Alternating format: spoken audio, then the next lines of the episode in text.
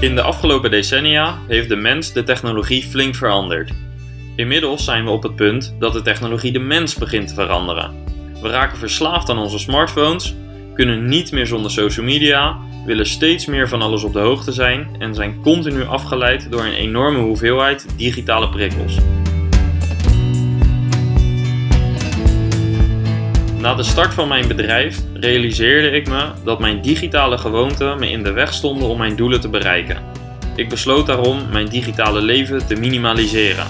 Minder smartphonegebruik, minder social media, minder online. Het resultaat? Meer focus, meer productiviteit, meer overzicht. In deze podcast wil ik je motiveren en helpen hetzelfde te doen.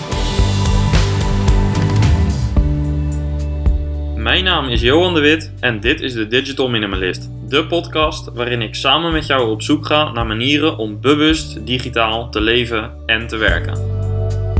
Ja, hallo en welkom bij aflevering 9 van de Digital Minimalist podcast. Mijn gast voor vandaag is Arnoud Wokke. Arnoud is redacteur voor de website tweakers.net, waar hij vrijwel dagelijks artikelen publiceert over smartphones. Maar dat niet alleen, hij is ook schrijver van het boek met de veelzeggende titel I Love Hate Smartphones. Ik las dat boek onlangs en ik wilde hem graag spreken over zijn boek, omdat ik het boek om meerdere redenen interessant vond. Toen ik begon met het project Digital Minimalist, moest ik regelmatig aan mijn omgeving uitleggen wat me bezielde om dit te gaan doen. Waarom zou je als techverslaafde, zoals ik bekend stond, en misschien nog steeds wel bij veel mensen bekend sta, uh, waarom zou ik mezelf gaan gedragen als digitaal minimalist? Het antwoord op die vraag is vrij simpel. De haat-liefde verhouding die ik heb met alles wat digitaal is. Ik vind mijn smartphone, uh, social media, gadgets, drones, camera's, noem maar op, allemaal fantastisch. Maar juist door dat overmatige gebruik loop je vroeg of laat ook tegen de keerzijde aan. En die worsteling, die was ook voor Arnoud uh, op een bepaalde manier voelbaar. Dol op smartphones, enthousiast over de enorme mogelijkheden er daarvan, maar tegelijkertijd nieuwsgierig naar de downside. En uh, daar kwam de schrijver in hem naar boven, uh, wat dus uiteindelijk resulteerde in het boek I Love Hate Smartphones.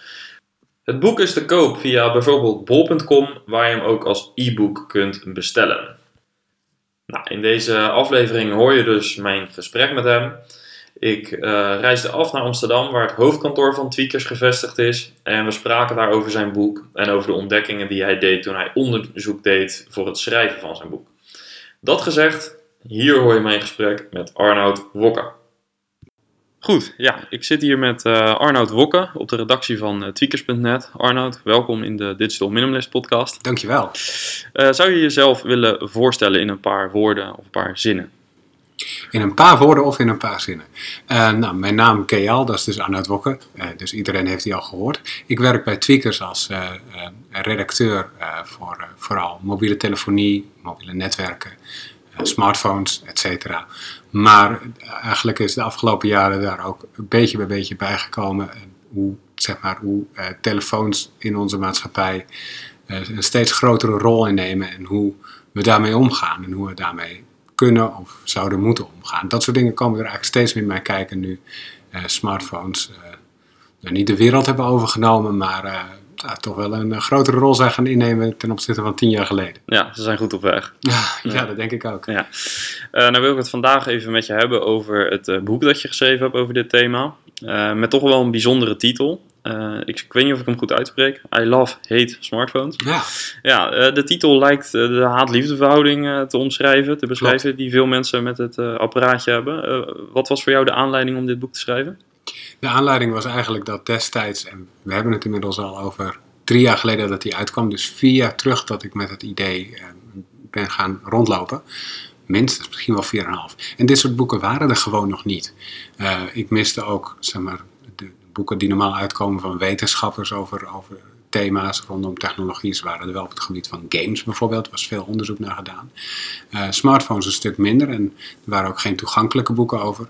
En ik wilde er dus eentje schrijven en, en dat is precies wat ik heb gedaan. Ja, nou, dat is denk ik ook, uh, ook wel gelukt. Um, een van de, de dingen die op de cover staat is over de impact op, op het leven van, van mensen. Um, ik wil vandaag eigenlijk even positief beginnen. Want het is natuurlijk heel uh, uh, natuurlijk om in deze podcast te beginnen met uh, nou ja, waar, waar gaat het allemaal mis. Mm -hmm. maar in jouw boek beschrijf je een voorbeeld waarin technologie, en eigenlijk specifiek de smartphone, het leven van een Amerikaans jongetje redt. Omdat zijn moeder een kankergezwel ontdekt in het oog van haar zoontje. Ehm, op dat moment in het boek voorspel je ook dat de smartphone misschien wel het, het medisch Zwitsers zakmes van de toekomst is. Komt die voorspelling uit nu we ongeveer drie, vier jaar verder zijn? Oef, um, dat is een lastige. Deels, deels wel. Je ziet ook nu, zeg maar, wat de grootste ontwikkeling in die drie jaar is geweest, is uh, kunstmatige intelligentie en, uh, en, en algoritmes die heel veel dingen automatisch kunnen bepalen. En die algoritmes kennen we vooral van de Facebook feed en dat soort dingen. Maar je kunt ze ook gebruiken om, um, uh, om afbeeldingen te analyseren. En vooral om afbeeldingen te analyseren van bijvoorbeeld plekjes. Uh, huidplekjes, plekjes in het oog inderdaad ook, maar ook andere dingen. Uh, je hebt nog altijd denk ik wel add-ons nodig. Dus dingetjes die je op je smartphone klikt om bepaalde beelden te kunnen maken of dingen te kunnen opvangen. Zoals een lensje. Ja, precies, een lensje, maar dat zou kunnen zijn om een, nee, ja, om een hartslag te meten. Nee, veel mensen gebruiken daar een smartwatch voor, dus ook al een soort medische add-on als je dat zo wilt zien. Uh, dus ja, ik denk nog steeds dat het kan gebeuren. Gaat iets minder snel dan dat ik had gehoopt en, en gedacht. Hm. Maar ik denk zeker nog wel dat het er komt, ja. Zeker omdat het een, uh, het is een apparaat wat zoveel mensen hebben. Um, ook mensen die in afgelegen gebieden wonen, die niet makkelijk naar een dokter kunnen komen. Um, die kunnen ook met een smartphone makkelijk zelf beeldmateriaal maken en doorsturen. En uh, ik heb al meerdere malen, dat is, dat is niet echt medisch, maar wel een beetje, heb ik uh, al een telefoon met een hoge resolutie camera gebruikt om te kijken of ik of iemand in mijn omgeving een take had of dat het een gewoon plekje was. Ja. Werkt supergoed. en dan weet je ook gelijk of je naar een dokter moet of dat je het eruit moet halen en dat soort dingen. Ja. Um, dus ja, daarvoor zijn ze echt heel goed. Ja, dus het vervangt misschien nog niet de diagnose, de, de, het, het, eigenlijk het expertise nee. niveau wat we nodig hebben bij een arts, maar het kan wel het stapje daarvoor zijn. Ja, en het kan de data aanleveren die een arts vervolgens kan gebruiken om een diagnose te stellen of om te kijken hoe, de, hoe het gaat. Ja, Jazeker. helder. Um, wat zijn uh, naar jouw idee uh, nog andere positieve ontwikkelingen die je destijds al zag en die op dit moment die we nog steeds ervaren, voor jou persoonlijk? Ik denk, er zijn best veel positieve ontwikkelingen. Het feit dat als jij straks de auto instapt naar huis, dat je dan weet waar de files staan en eromheen kan rijden. Ik denk dat je daar blij van wordt. Ik wel tenminste. Ja, zeker. zeker. Um, uh, en ook dingen waardoor je weet of je kan gaan fietsen of dat je een bui op je kop krijgt en dus beter even een kwartiertje kan blijven.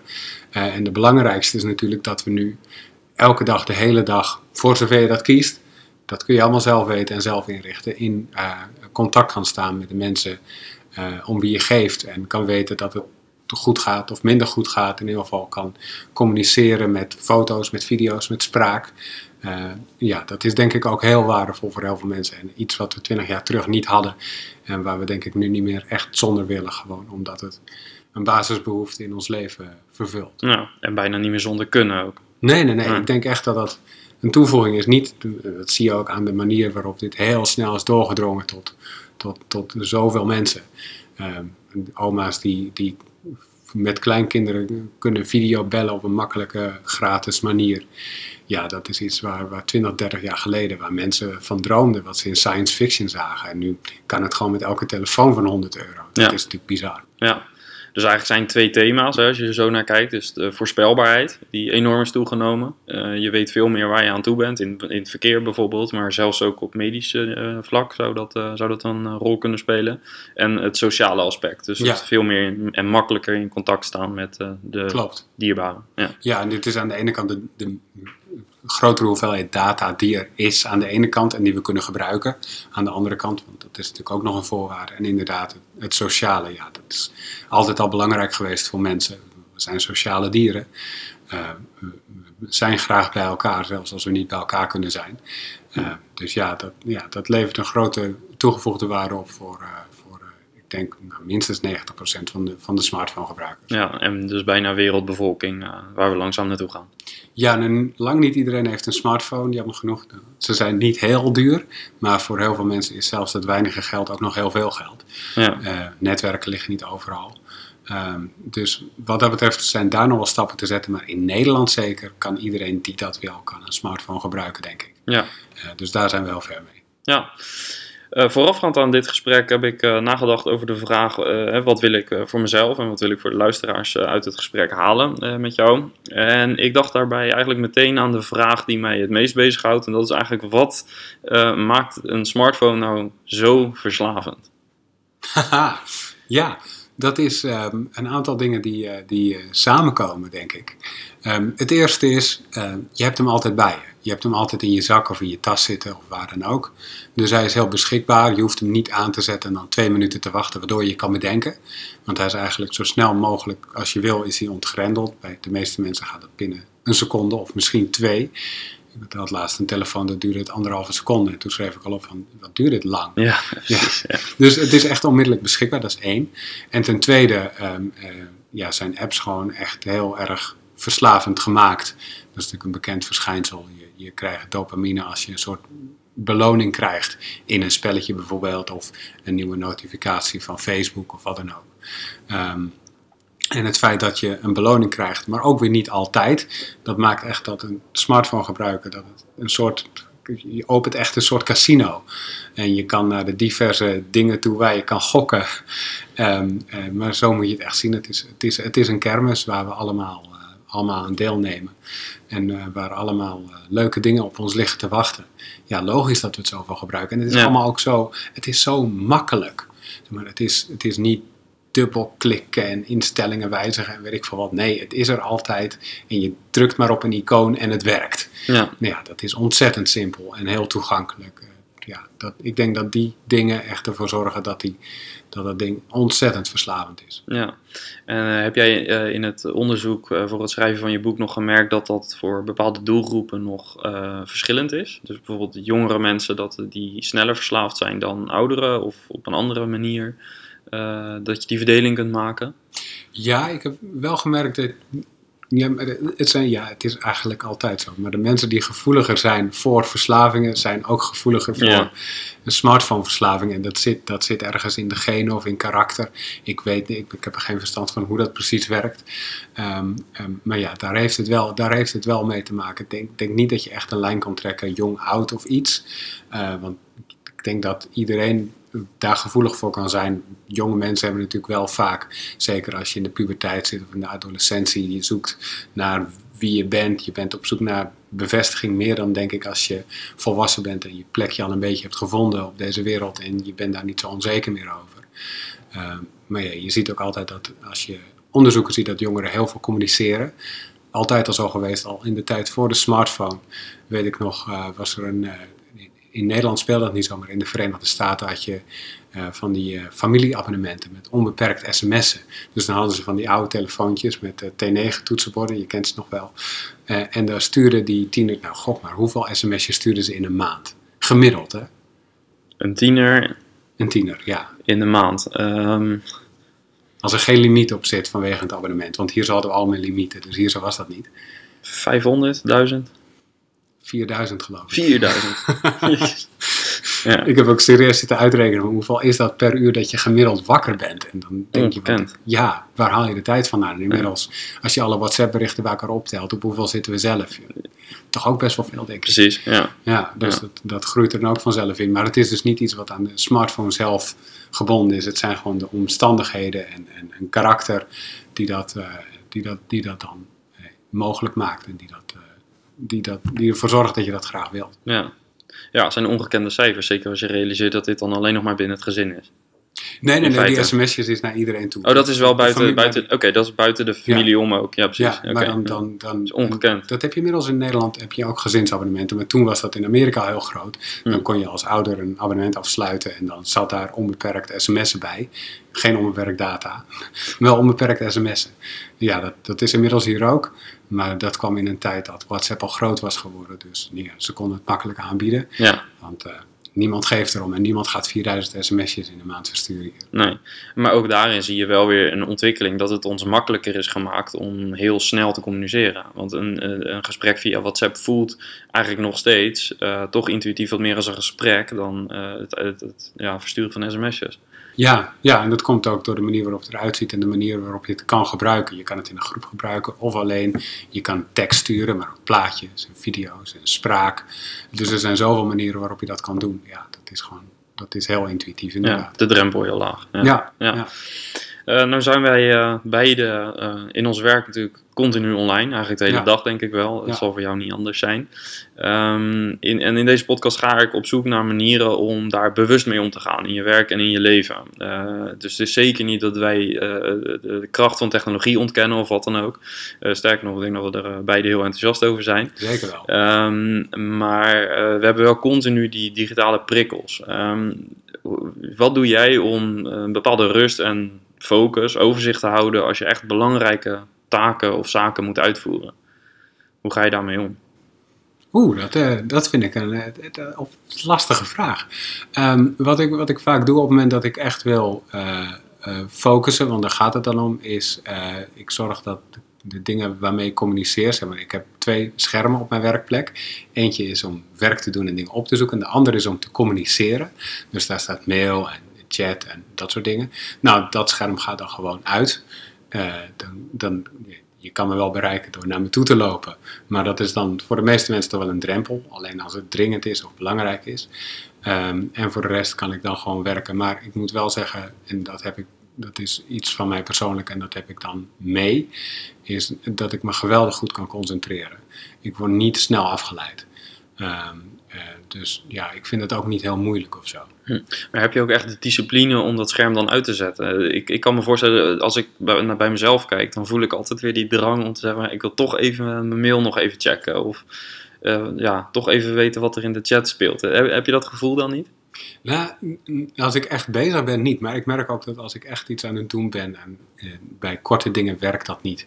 Maar als ik ergens een paar uur lang mee bezig ben, ja, dan kom ik ook in een soort van, van flow terecht. En dan, volgens mij mishandel ik mijn toetsenbord dan ook ontzettend. en dan, en dan, ehm, ja, ik- ja, dan gaat het eigenlijk wel vanzelf. En dan denk ik helemaal niet meer aan wat er in de chat gebeurt of in de mail of wat dan ook.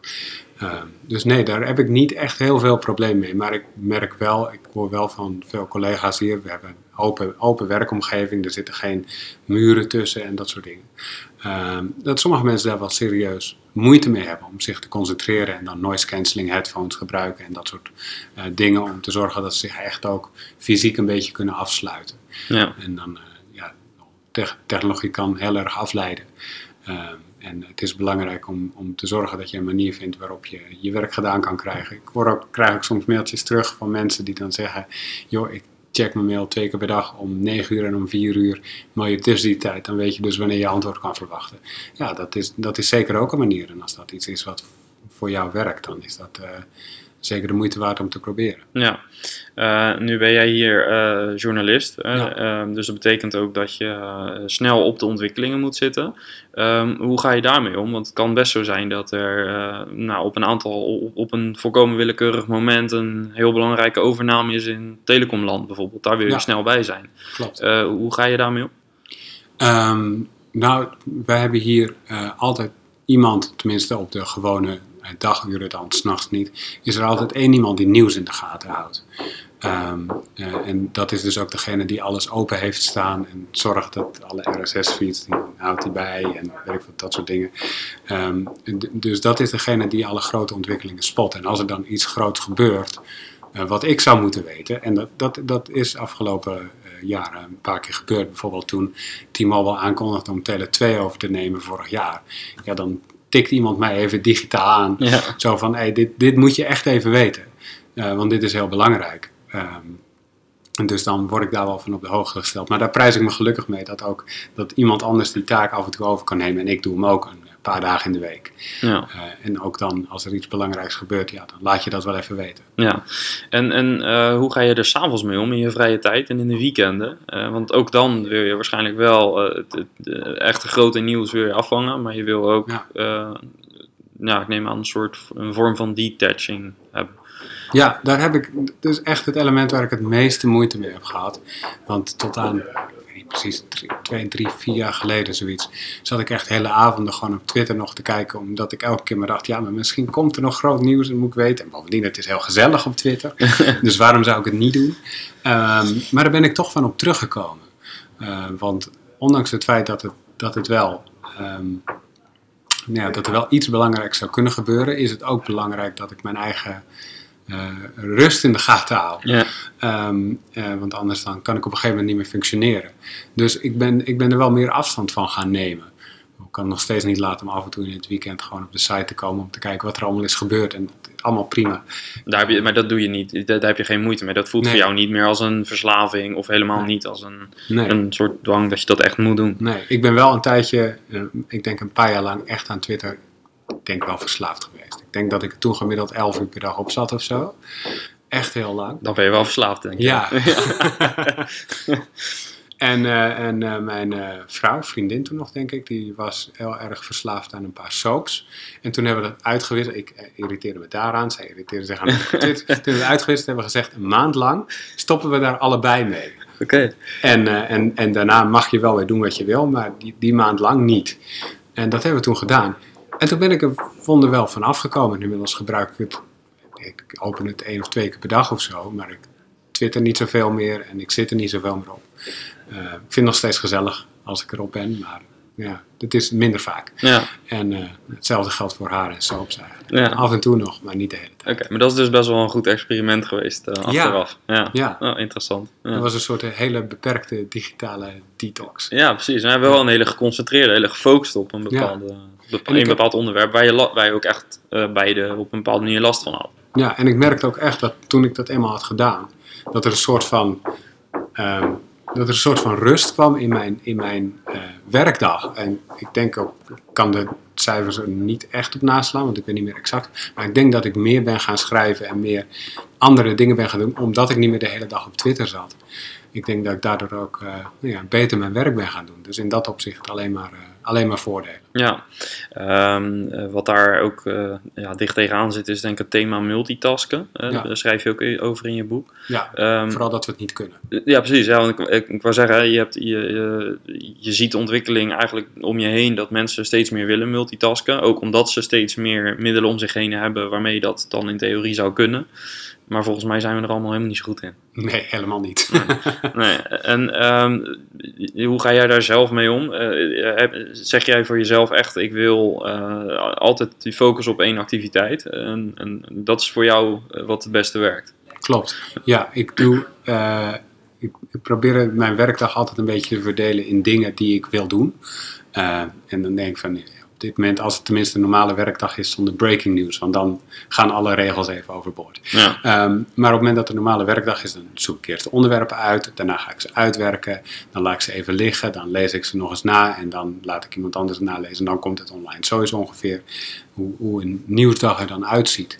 En als ik een review maak, dan ga ik ermee bezig. Vervolgens ga ik het schrijven. Maar dat zijn ook hele geconcentreerde, ehm, eenzijdige activiteiten als in één ding tegelijk. Want ik heb gewoon gemerkt van mezelf dat als ik allemaal ballen in de lucht probeer te houden, uiteindelijk doe ik dan, doe ik dan minder. Ik zag dat trouwens ook nog eh, toevallig een, paar uur geleden. Het zijn een paar eh, fanatieke Pokémon-spelers eh, op, de, op de redactie, Pokémon Go, op hun telefoon. Je kan tegenwoordig van die battles doen, die, die zitten er nu in. En die doen ze dus af en toe. Alleen ze proberen tegelijkertijd ook nog, zeg maar, proberen ze een gesprek te voeren of iets anders te zeggen. En dan merk je gewoon dat ze, dat ze er helemaal niet bij zijn. Nee. Er waren ook een paar collega's die zeiden echt best wel rare dingen eigenlijk. Ja. Ehm, en eentje dacht dat ik ook in die battle zat, terwijl ik helemaal niet met mijn telefoon zat en zo. Ehm, dus ja, dan merk je wel dat, dat, dat als je meerdere dingen tegelijk doet, dat je dat wel op een iets lager niveau doet eh, dan als je echt helemaal gefocust bent. ja. Maar ik denk dat jij dat ook eh, zal hebben ondervonden in jouw, eh, in jouw zoektocht inmiddels. Ja, zeker weten. Kijk, juist, ehm, eh, ik denk zelfs dat het bij mij echt met multitasken is begonnen. Omdat ik merkte, eh, wat, je, wat jij dan, eh, zoals je zegt, goed onder controle hebt, had ik dat niet zo goed onder controle. Want ik wilde juist tijdens het, het schrijven van een bepaald document of het, het, het schrijven van een advies, ehm, wilde ik juist ook nog even dingen meepikken die online gebeurden. En zeg maar, toen ik dat begon te merken, toen dacht ik van ja, dit, dat multitasken waar we met z'n allen denken dat we goed in zijn, dat, dat is misschien wel productiviteitsleugen nummer één. Ja. Uh, want dat, uh, dat gaat gewoon niet. En um, in het verlengde daarvan, ik sprak daarover met een uh, aantal docenten een paar maanden geleden. En met name in het onderwijs zien ze daar ook wel echt problemen. Dat is misschien een brugje naar, naar, weer terug naar jouw boek. Um, kinderen die kopiëren natuurlijk bepaald gedrag. Ja. Een van de uh, titels in je boek is uh, Jong geleerd, oud gedaan. Um, en wat ik uh, vaak van docenten hoor, is dat zij vaak terugkrijgen dat kinderen gebruiken telefoons in de klas. Of ze het nou mogen of niet, maar ze doen het. Um, en op het moment dat ze een standje krijgen, dan is een veelgehoorde ja, feedback is... Ja, mijn vader checkt ook zijn mail tijdens het eten. Uh, dus ja, uh, waarom zou ik het niet doen? Ja. Um, dus, dus daar begint het eigenlijk al. Hè, op jonge leeftijd dat, dat ze zien dat we allerlei dingen tegelijk proberen te doen. We zitten tv te kijken met twee schermen. We hebben een iPad en we kijken een tv-show. Dat zijn ook vormen van multitasking die er eigenlijk volgens mij op hele jonge leeftijd al ingebracht worden. Ja. Uh, waar we ja, met z'n allen denk ik de conclusie toch wel voorzichtig kunnen gaan trekken dat dat ons niet verder helpt. nee, klopt. Ja, in de opvoeding is het, is het nog eens lastiger, want heel veel ouders willen wel het goede voorbeeld geven, maar het dagelijks leven komt gewoon tussendoor en dat begint al op heel jonge leeftijd. Dat ze hun kinderen even stil willen hebben en dan de tablet erbij pakken. En dat wordt dan steeds meer een gewoonte en dan, uh, voor je het weet, zitten ze urenlang per dag uh, achter zo'n scherm. Ja. Ja, dat is niet altijd even goed, maar het is wel super praktisch als je ouder bent en je wil af en toe een beetje rust. Ja, dat zijn... Uh, hoe noem je dat? Trade-offs. Ja. Offers die je maakt. Ja, precies. Ja. Uh, in het verlengde daarvan, uh, in, in je boek, en dan citeer ik even iets, uh, geef je aan, wij leren kinderen niet meer hoe ze alleen kunnen zijn. Zodra mensen alleen zijn, al is het maar voor een paar seconden, worden ze angstig en raken ze in paniek en gaan ze op zoek naar een toestel. geldt niet alleen voor kinderen, geldt ook voor volwassenen. waar denk je dat dat vooral mee te maken heeft? Dat ze heel snel op zoek gaan naar de telefoon. Bijvoorbeeld als ze in een restaurant zitten. Als je oplet hoe snel mensen dan een telefoon pakken als een tafelgenoot even naar de wc gaat bijvoorbeeld. Ja, ik heb er een keer een, na het boek, want ik heb uit het boek nog allemaal artikelideeën, kleine elementen gepakt en later uitgewerkt, nog op de site gezet. Dit is dan online gekomen onder de naam de smartphone stilte stilte. Want elk stil moment wat we hebben, pakken we maar gelijk bij. Um, ja, ik denk dat gewoon te maken heeft met het feit dat je zo gewend bent geraakt aan dat dopamine shotje wat je dan krijgt. Het stofje wat even door je hersenen schiet op het moment dat je een melding krijgt, een, een, een berichtje in WhatsApp, een Facebook notificatie, iets, een volgend level in, in, in Pokémon Go of wat dan ook. Um, uh, ik denk dat, dat, dat je omdat je weet dat het op je ligt te wachten, dat die een soort van in je broekzak aan het branden is. Ja, om te pakken op het moment dat iemand wegloopt. Dat gevoel. Ja, ja, ja en uh, dat, dat, gebeurt, dat gebeurt heel vaak. En sinds ik me daarvan bewust ben, ben ik er ook allemaal mee bezig gegaan om dat niet te doen. Dat is, als je er echt mee bezig bent, dan merk je hoe moeilijk dat is. Dat Ja. is echt super lastig. En in wat voor situaties ben je daarmee begonnen? Ik ben daarmee begonnen toen ik op de eh, trein stond te wachten. En toen was het ook super koud. Eh, dus dan is het nog makkelijker. Maar dat is echt zo'n moment waarop iedereen op het perron met zijn telefoon staat. Ehm, en vervolgens heb ik dat proberen door te trekken. Eh, oh, wacht. Dit is een hele slechte woordspeling. Door te trekken naar de wc. ja, dat is wel wat ik... Ja. Ik, ik, ik heb het, eh, ik heb geprobeerd om een soort van regel in huis te maken om te zorgen, want ik heb kinderen, dat ze dat niet zouden overnemen. Maar dat is echt nog moeilijk, want het is ook een moment dat je eventjes voor jezelf hebt. En als je dus nog even iets wil kijken, wil weten dat iets goed zit, of weet ik veel wat je wil, iets opzoeken, dan is, dan is dat echt de plek en het moment ervoor. Ehm, dus ja, dat is, eh, dat is nog best lastig gebleken. En ehm, het feit, de, de, mate waarin hij in je broekzak brandt op het moment dat je echt weet wat je ermee wil, eh, dat, is, dat is echt enorm. Ja, er is zelfs een verschijnsel, eh ben ik wel eens tegengekomen, waar ik zelf overigens ook wel eens last van heb gehad, dat je echt bijna die trilling voelt. Hè? Ja, Dat je gewoon denkt dat die afgaat en dat Ja. je tot twee, drie keer toe denkt van ja, Ik heb dat super vaak. Ja. Ja. En jij zelf dus ook. ja. Ja. Ja. Dan, dan schuift mijn jas eroverheen of zo. Als ik op de fiets zit, dan denk ik, oh, hij trilt. Maar daarom heb ik de rust van een, je hebt er ook een, van een smartwatch, die ook gaat trillen op het moment dat mijn telefoon trilt. Dus dan het is ook een soort van geruststelling van oké, ik weet dat ik niks mis, want anders had het wel op mijn horloge gestaan Ja. ook.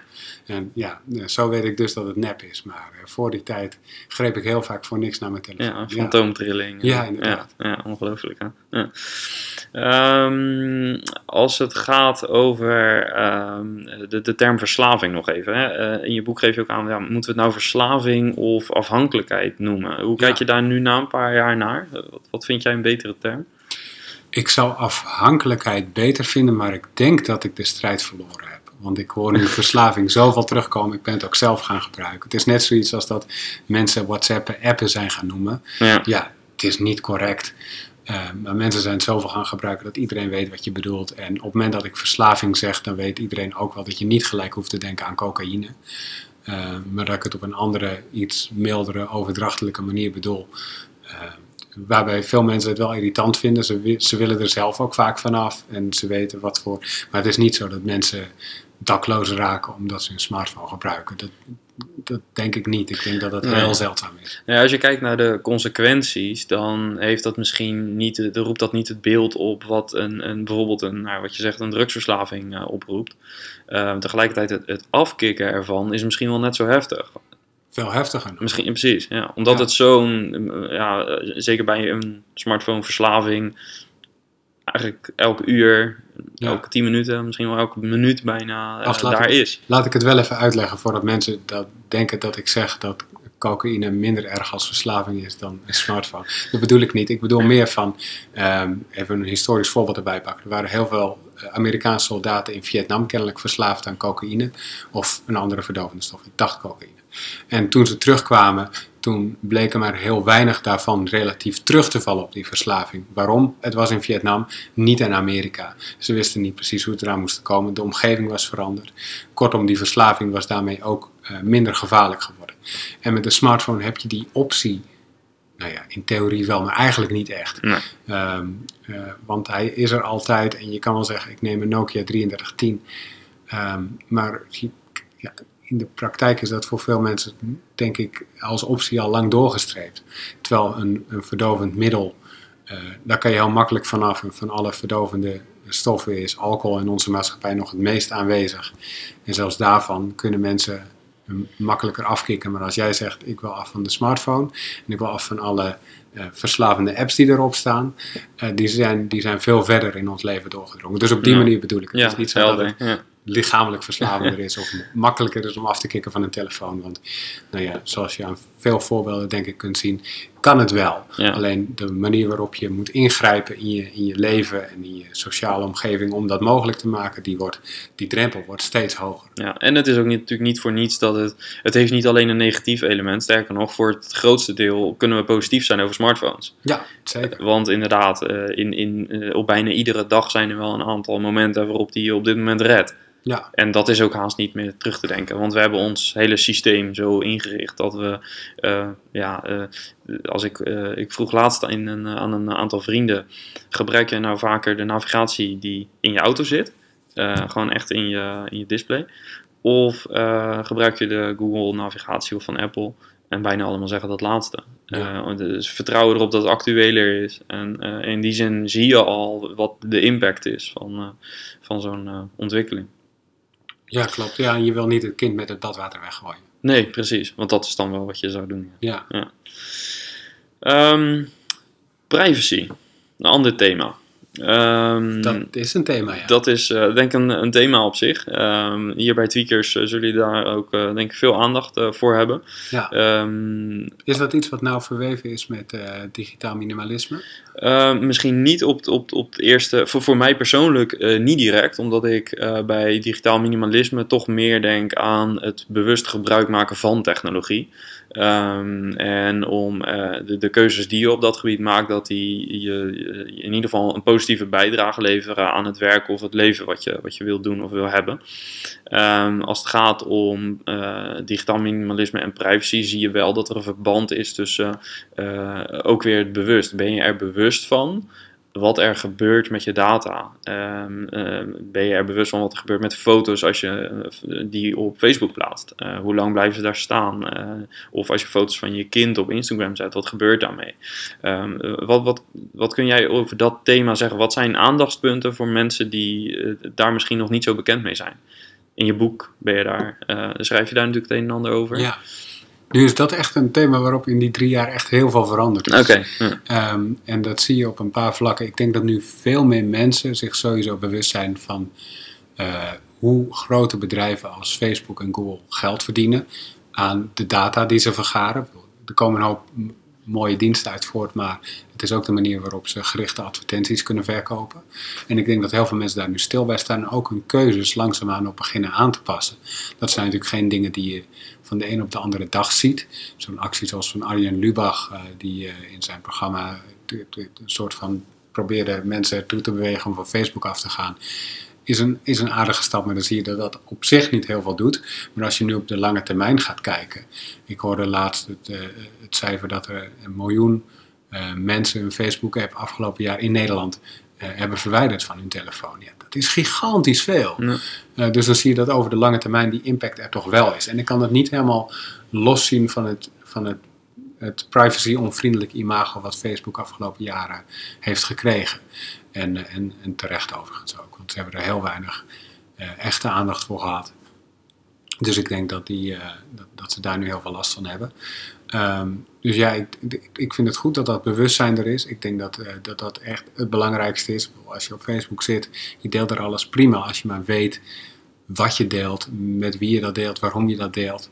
En of je ook wil dat dat, dat, dat gebruikt wordt voor advertenties, dat, het, dat, je, dat je daar later nog last mee kan krijgen als werkgevers je naam gaan intikken, in Facebook en die foto's dan tegenkomen. Uh, dat zijn allemaal dingen waar je bewust van zou moeten zijn. En ik denk dat steeds meer mensen dat zijn. Ja. Ja, over het, zie het over de hele linie. Dat is ook een soort van. Voor mij doe ik dat ook een soort als halve voorspelling in het boek ergens. Zo van, in het begin, uh, als zo'n technologie, of het nou Facebook is of smartphones, dan als mensen daar voor het eerst mee in aanraking komen, denken ze: oh geweldig, en ze willen er van alles mee doen. Het is echt een soort van verliefdheid. En later gaat dat er een beetje af. En komt er een soort van stabiele relatie voor in de plaats waarin uh, mensen ook heel bewust een grens aangeven. En ik denk dat heel veel mensen die grens nu aan het aangeven zijn. Ja. En dat is, uh, dat is echt een goede ontwikkeling. Ja, en als, uh, in deze podcast probeer ik ook echt op zoek te gaan naar hele praktische tips en, en, en inzichten van, van mensen die, die op een bepaalde manier meer weten dan, dan ik en, en, misschien ook een deel van de luisteraars.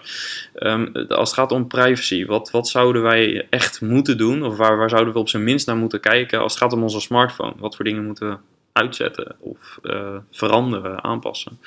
Uh, ik denk dat het, het belangrijkste is dat je um, uh, voor jezelf de instellingen doorgaat van alle apps die je veel gebruikt. Meestal zit er ook een privacy kopje in. dat, ik het is niet iets wat je eventjes tussendoor zo gaat er, kan je echt best eventjes voor gaan zitten en dan kijken of je het eens bent met de keuzes. Uh, een andere keuze die je kunt maken is de app van de telefoon gooien en het via de browser doen. Zorg ervoor dat er een extra drempel is als je het wil gebruiken. Dus als je er bewust mee omgaat, is dat sowieso een goede stap. Ja. En aan de andere kant, via de browser, heeft zo'n heeft zo'n dienst meestal minder toegang tot jouw data. Uh, je kan er minder makkelijk bijvoorbeeld je locatie bijhouden, wat iets is wat, uh, wat bedrijven graag doen bijvoorbeeld. Of minder toegang tot je contacten, dat soort dingen. Um, dus voor, voor dat soort dingen is het, al, is het al beter om de app eraf te gooien. Maar als je het blijft gebruiken, is het goed om alle privacy instellingen even langs te gaan. Uh, goed te kijken wat je precies wil aanzetten, wat je niet wil aanzetten. Uh, en welke data je wilt delen. Op iPhones is er bijvoorbeeld de keuze om je locatie, uh, dat is volgens mij system-wide, dus over alle apps heen, alleen te delen op het moment dat je de app gebruikt. Android is die keuze er helaas niet. Maar dat voorkomt dus dat uh, bedrijven je locatie de hele tijd maar kunnen opvragen. En dat ergens op een kaartje gaan plotten en vervolgens uh, van alles een heel mooi profiel over je kunnen opbouwen. Ja, wat denk ik alles behalve wenselijk is. Ik denk dat de meeste mensen dat niet willen en ook niet bij stilstaan nee. dat bedrijven dat inderdaad ook echt doen. Niet om precies van jou in de gaten te houden wanneer je naar de sportschool gaat. Maar wel om te constateren dat jij afgelopen week misschien een paar keer minder naar de sportschool bent geweest. En je dan vervolgens uh, een, een, een, nee, ja, misschien daar advertenties op kunnen aanpassen. Ja. ja, dat is natuurlijk waardevolle data. Ja, helder. Dat uh, lijkt me een uh, hele praktische en bruikbare tip. Uh, tot slot zou ik het nog even met je willen hebben over de toekomst. We hebben al in je boek geef je ook een terugblik. maar als we vooruitkijken, waar gaat het in de komende jaren naartoe met de smartphone? Wat kunnen we nog verwachten? Ik denk een van de belangrijkste dingen die ik afgelopen jaar al heb gezien en waarvan ik denk dat die doorzet, is dat heel veel mensen zich, um, dan komt hij weer, van bewust zijn geworden dat ze niet elk jaar een nieuwe telefoon nodig hebben. En dat ze dus denken, nou, ik kan deze nog wel twee, drie jaar gebruiken. Kan nu ook, komen updates voor. Uh, voor vrijwel alle telefoons zijn er drie jaar lang beveiligingsupdates, dus dan blijf je in, in die periode veilig. Sommige mensen zullen ook denken, nou, een tweedehands telefoon vind ik ook goed genoeg. Als dat een hele dure telefoon van twee jaar geleden is, dan tik ik hem nu voor uh, goedkoper uh, op de kop. En dan doe ik er nog een paar jaar mee en dan heb ik ook een leuke tijd. En voor heel veel mensen is dat ook echt genoeg. Um, en ik, ik, denk dat dat zich gaat doorzetten en het is moeilijk te onderschatten hoe groot de gevolgen daarvan zijn voor voor uh, de hele smartphone-industrie en, en, en, gewoon iedereen eigenlijk. Ja. Want het zorgt ervoor dat we in rustige vaarwater terecht kunnen komen, dat het allemaal niet zo uh, snel hoeft te gaan. Uh, misschien zijn er ook fabrikanten die concluderen elk jaar een nieuw model. Misschien hoeft dat niet eens meer. Kunnen we ook naar eens in de twee jaar of zo. Ja. Ik weet niet of dat gaat gebeuren. Ik heb er geen inside information over. Maar uh, nou ja, ik denk dat het allemaal iets rustiger zal gaan. Omdat mensen denken, ik kan er langer mee doen. Uh, daar gaan we bewuster mee om. Ja. Voor de rest voor de komende jaren, ik denk dat we er ook naartoe gaan dat heel veel minder mensen dingen gaan delen met, uh, met het publiek, zeg maar. Ik denk dat we heel veel foto's en andere dingen blijven delen in WhatsApp en dat soort toepassingen. Uh, maar dingen echt op Facebook zetten, ik denk dat die tijd wel een beetje voorbij aan het raken is. En waarom denk je dat? Ik denk dat omdat uh, heel veel mensen voelen zich niet zo fijn bij het publiekelijk delen van dingen. Ze willen er zelf niet op staan of ze vinden het niet leuk als ze getagd worden. Uh, ze vinden Facebook als platform sowieso niet zo fijn omdat er heel veel advertenties op staan. En uh, de meeste foto's die ze maken van bijvoorbeeld hun kinderen, ja, die willen ze dan even delen met hun ouders, die dan de opa en oma van die kinderen zijn.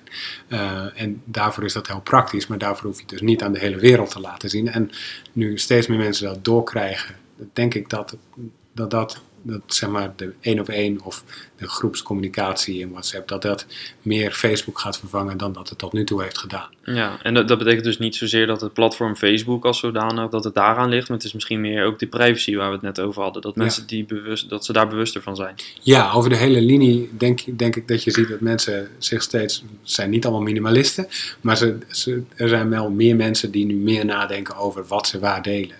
En uh, dat, dat is denk ik heel verstandig. Ja. Ik denk dat iedereen dat zou moeten doen sowieso. Ja. En kijken wat je waarop zet. Een foto van een zonsondergang op Instagram, ja, daar heb je niemand mee. Maar als je je kleine neefje op Instagram zet, ja, misschien willen die ouders dat helemaal niet. En wil je überhaupt wel dat je kleine familielid die daar geen toestemming voor kan geven, dat die uh, publiekelijk online staat ja, daar, daar, kun je over nadenken. Ja, en nog even wat je daarvoor zei over de ontwikkelingen die wat lijken af te remmen als het gaat om de, de, de, de technologie, dat aspect. Um, zeg je daarmee ook dat de, de, de, eigenlijk de rek er sowieso op technologisch vlak er op dit moment een beetje uit is? Eh, of, of is de vraag misschien minder geworden? Nee, het, is, het is de vraag die minder is geworden. Hm. Uh, de rek is er zeker niet uit. Er staat echt een hele hoop te gebeuren. En dat zal ook gebeuren. Op technisch vlak. Dus, uh, En dan heb je het over bijvoorbeeld uh, langere accuduur, betere displays. Of zit dat in, in andere dingen?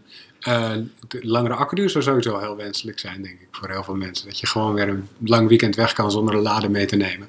Zou ik in ieder geval heel fijn vinden. Ja, zeker. Um, maar ik, ik, denk niet dat dat erin zit, want dan heb je echt grotere telefoons nodig. Misschien gebeurt het wel.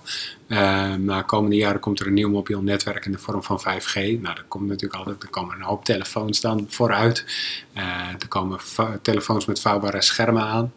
Dat, dat gaat echt gebeuren? Dat gaat echt gebeuren. Uh, zijn er al prototypes van? Want dat er klinkt voor mij als, als toch wel weer als, als techliefhebber, spreekt me dat dan wel weer aan. Ja, mij ook. Ik vind het ook ontzettend, ontzettend leuk. Maar wat je, ja, bedoel, uiteindelijk wat je ermee gaat doen, is dan toch WhatsApp op een groter scherm. Laten we eerlijk zijn. Ja, maar kan het ook misschien de laptop bijvoorbeeld gaan vervangen op termijn? Oeh, En, in- zeker, zeker in combinatie met cloud natuurlijk. En nu worden we wel technischer, maar zeker ook in, Ja. in combinatie met cloud zou je kunnen zeggen. Eigenlijk wordt je, eh, je iPhone of je smartphone wordt een soort eh, hub. eh, Waarbij je inderdaad gewoon een connectie maakt met, met ergens een werkomgeving in de cloud. En je vouwt je scherm uit of je rolt hem uit en je kunt aan de gang. Ik denk, nee, ik denk wel dat het, dat het einde van de tablet daarmee in zicht komt. Hm. Want de tablet is echt een apparaat wat alleen aantrekkelijk is door zijn grotere scherm. Eh, en daarop kan je dan nou ja, heel goed films kijken en dat soort dingen. En het is gewoon de dingen die je op een telefoon doet, maar dan op een groter scherm. De, nee, ja, de tablet die was al een tijdje op weg richting de uitgang. Ik denk dat dit wel echt een soort van einde daarvoor kan worden. Ja, Eh, en de laptop is denk ik nog net iets te ver weg nu. Het hangt er vanaf hoe besturingssystemen zich gaan ontwikkelen. Want ik heb een tijdje, ik heb geprobeerd voor een review een paar weken lang mijn werk te doen op een iPad Pro. Dat was de volledig uitgespekte versie van 2500 euro. Desondanks, ik had een toetsenbord bij en een pennetje, alles. Desondanks kon het niet mijn werklaptop vervangen, simpelweg omdat de software nog lang niet daar is nee. om, eh, om alles te doen wat ik wil. Zeg maar, de manier waarop je. ehm, eh, heel veel mensen gebruiken een desktop of laptop vooral voor werk, niet echt voor privé dingen meer. Ehm, maar werk heeft heel andere vereisten, denk ik. Dus ik denk dat dat voorlopig nog een brug te ver is. Het zou kunnen dat het op termijn wel lukt en voor veel toepassingen kan het ongetwijfeld ook wel goed werken. Ehm, maar nee, ik denk nog niet dat een laptop de komende jaren iets te vrezen heeft. nee. Maar uiteindelijk zal ook dat de weg opgaan van de platenspeler, zeg maar. Een niche product die sommige mensen waarderen en die over grote deel van de mensen helemaal niet meer nodig hebben. Ja, helder. Wat is jouw eh, finale tip voor eh, onze luisteraar die wat bewuster wil omgaan met technologie? In dit geval specifiek de smartphone. Wat zou de finale tip van jou zijn? Ehm, ik denk dat het. Ik zit even kijken wat ik allemaal zou kunnen zeggen. Een van, de, een van de dingen waar ik altijd veel in heb gehad, is gewoon even je lijst van apps doorgaan. Even een half uurtje pakken. En dan gewoon verwijderen wat je al een tijdje niet hebt gebruikt. Of waarvan je denkt, dat ga ik echt nooit meer ergens voor nodig hebben. Of dat kan ik ook wel op de website af. Eh, dat soort dingen kun je gewoon verwijderen. En eh, dan merk je dat je ook met minder toe kan dan dat je dacht. Je hoeft niet overal een app voor te hebben. Dat is niet echt nodig. Nee. Ehm, dus ik denk dat dat sowieso wel een, een, een goede is. Dus als je deze podcast uit hebt, eh, je podcast app moet je sowieso behouden als je heel veel podcast luistert. Maar voor de rest kijk vooral kritisch naar wat je Ja. wil gebruiken. Eh, en eh, en eh, probeer echt zo zuinig mogelijk te zijn. Want in het verleden was het vaak zo dat mensen vaak dachten: Oh, ik zet er daar wel even een app voor op. En dan belandde het ergens in een folder achteraan op een homescreen. En dan keken ze nooit meer naar om. Als je een beetje minimalistisch bezig wil zijn, ja, dan denk ik dat je met zo min mogelijk apps toe moet kunnen. En dan kijken, misschien verwijder je dan eentje te veel, maar dat is niet erg. Dan zet je hem gewoon Die terug. komt zo weer terug. Precies, ja, precies. is heel Ja, makkelijk. Zo makkelijk is het ook weer. Ja. Ja, helder. Ehm, ja, waar kunnen mensen meer over jou en je boek te weten komen? Waar kunnen ze het bestellen? Ha, ik weet eigenlijk niet of mijn boek nog in de boekhandel is. je kan op de titel zoeken van mij op bol.com hem nog wel ergens en dan bestellen ze hem bij als, eh, als je hem wil hebben. Eh, en digitaal is hij Als e-book natuurlijk. En als Ja. e-book is hij ook sowieso nog verkrijgbaar. Ja, de fysieke versie is wel leuk, want hij is, hij is, hij is langwerpig. Tegenwoordig is dat ook al uit de tijd, maar hij is 16 bij 9 ongeveer. Ja, met een barst in het display. Met een barst in het display, ja. Ja. Er is echt wel aandacht aan Ja, besteed. dat was een eh, mooie- mooie, mooie metafoor voor Ja, de haat-liefdeverhouding. Ja. Ja. maar als je het meeste van mij wil lezen, daar hoef je helemaal niet voor te betalen. Dat kan gewoon gratis en voor niks op Tweakers. Ja. Daar schrijf ik eh, bijna elke dag. Als ik aan het werk ben tenminste. En anders dan, eh, dan niet. Dan moet je een dagje wachten. Ja, of even op Twitter kijken, want daar gebeurt nog steeds heel veel. Hè? Nee, Voor, jou, voor jou toch? Ik, ik zie regelmatig nog eh, tweets voorbij komen. Ja, ja het is minder dan het was, denk ik. Precies, ik twitterde echt, ik denk, 20 keer per dag. Nou, misschien is dat nu eens in een paar dagen. Ja, precies. Ja, maar inderdaad, dat gebeurt ook nog. Ook daar ben je dus naar de essentie vinden. gegaan. Ja, eigenlijk wel. Ja. Ja. echt alleen de meest waardevolle dingen. Oké. Goed, nou, eh, mooi om mee af te sluiten, denk ik. Dankjewel eh voor je tijd zover. Graag gedaan. Super, dank je. Goed, en dat was dus mijn gesprek met Arnoud Wokke. Een genuanceerde blik op de ontwikkelingen rondom het gebruik van smartphones op persoonlijk vlak, maar ook in de maatschappij. Voor mij als eh, ja, halve nerd zou ik bijna zeggen, natuurlijk fantastisch om te mogen eh, spreken met een specialist zoals Arnoud. In deze podcast ga ik vaak vooral op zoek naar praktische tips die je kunnen helpen om snel digitaal af te kicken. En daar heeft Arnoud in dit gesprek een invulling aan gegeven. Als je daar meer over wilt weten, koop dan dus zijn boek. Daarin meer praktische tips om je smartphonegebruik beter onder controle te houden. Daarnaast vond ik het gesprek met Arnoud interessant, uh, omdat het me meer op het spoor van veiligheid en privacy heeft gebracht. De behoefte om digitaal te minimaliseren werd voor mij vooral gevoed door de wens om meer rust te hebben, uh, om meer focus te hebben. Maar het boek van Arnoud heeft me ook meer kennis bijgebracht rondom andere thema's, zoals bijvoorbeeld de impact op je lichaam, waar we over gesproken hebben. Heel interessant vind ik ook zijn voorspelling dat we ehm, eh, in de toekomst wellicht minder vaak openbaar uh, dingen zullen gaan delen. Het kan uh, zijn dat dit voor mij persoonlijk aanspreekt omdat ik al een tijdje minder frequent dingen deel op social media. Maar na het gesprek ben ik ook wat gaan kijken op social media naar het gedrag van mensen om me heen. En het valt me op dat er um, vrij veel mensen zijn die een Instagram-account hebben, bijvoorbeeld, zonder daar überhaupt iets op te posten. Dit terwijl ze wel dagelijks online zijn. Uh, je ziet dat dan aan het feit dat veel mensen die structureel je stories bekijken uh, en dus wel een Instagram-account hebben, uh, zelf nooit iets posten. Dus um, ja, ik zou eigenlijk zeggen, veel mensen vallen daar een beetje door de mand. Uh, want die lijken dus te vallen in de categorie waar Arnoud het uh, in dit gesprek over had. mensen die wel gebruik willen maken van social media, maar misschien dat meer doen vanuit de behoefte om andere mensen te volgen. En misschien in veel mindere mate zelf ook de wens om dingen te delen. Goed, uh, dus interessant om uh, te kijken hoe dat zich gaat ontwikkelen. Ja, en dan uh, in de volgende aflevering van de Digital Minimalist podcast hoor je mijn gesprek met Lisette van Dinter. Lisette is eigenaar van een advocatenkantoor in Rotterdam en ze is minimalist. Ik sprak met haar af in Hartje Rotterdam en ik sprak met haar over haar ontdekkingstocht naar het minimalisme, die al een tijdje duurt. En uh, ik sprak ook over de impact die dat heeft op haar bedrijf. En ik sprak over de digitale gewoontes. Goed, nogmaals bedankt voor het luisteren. Tot de volgende aflevering. Ciao.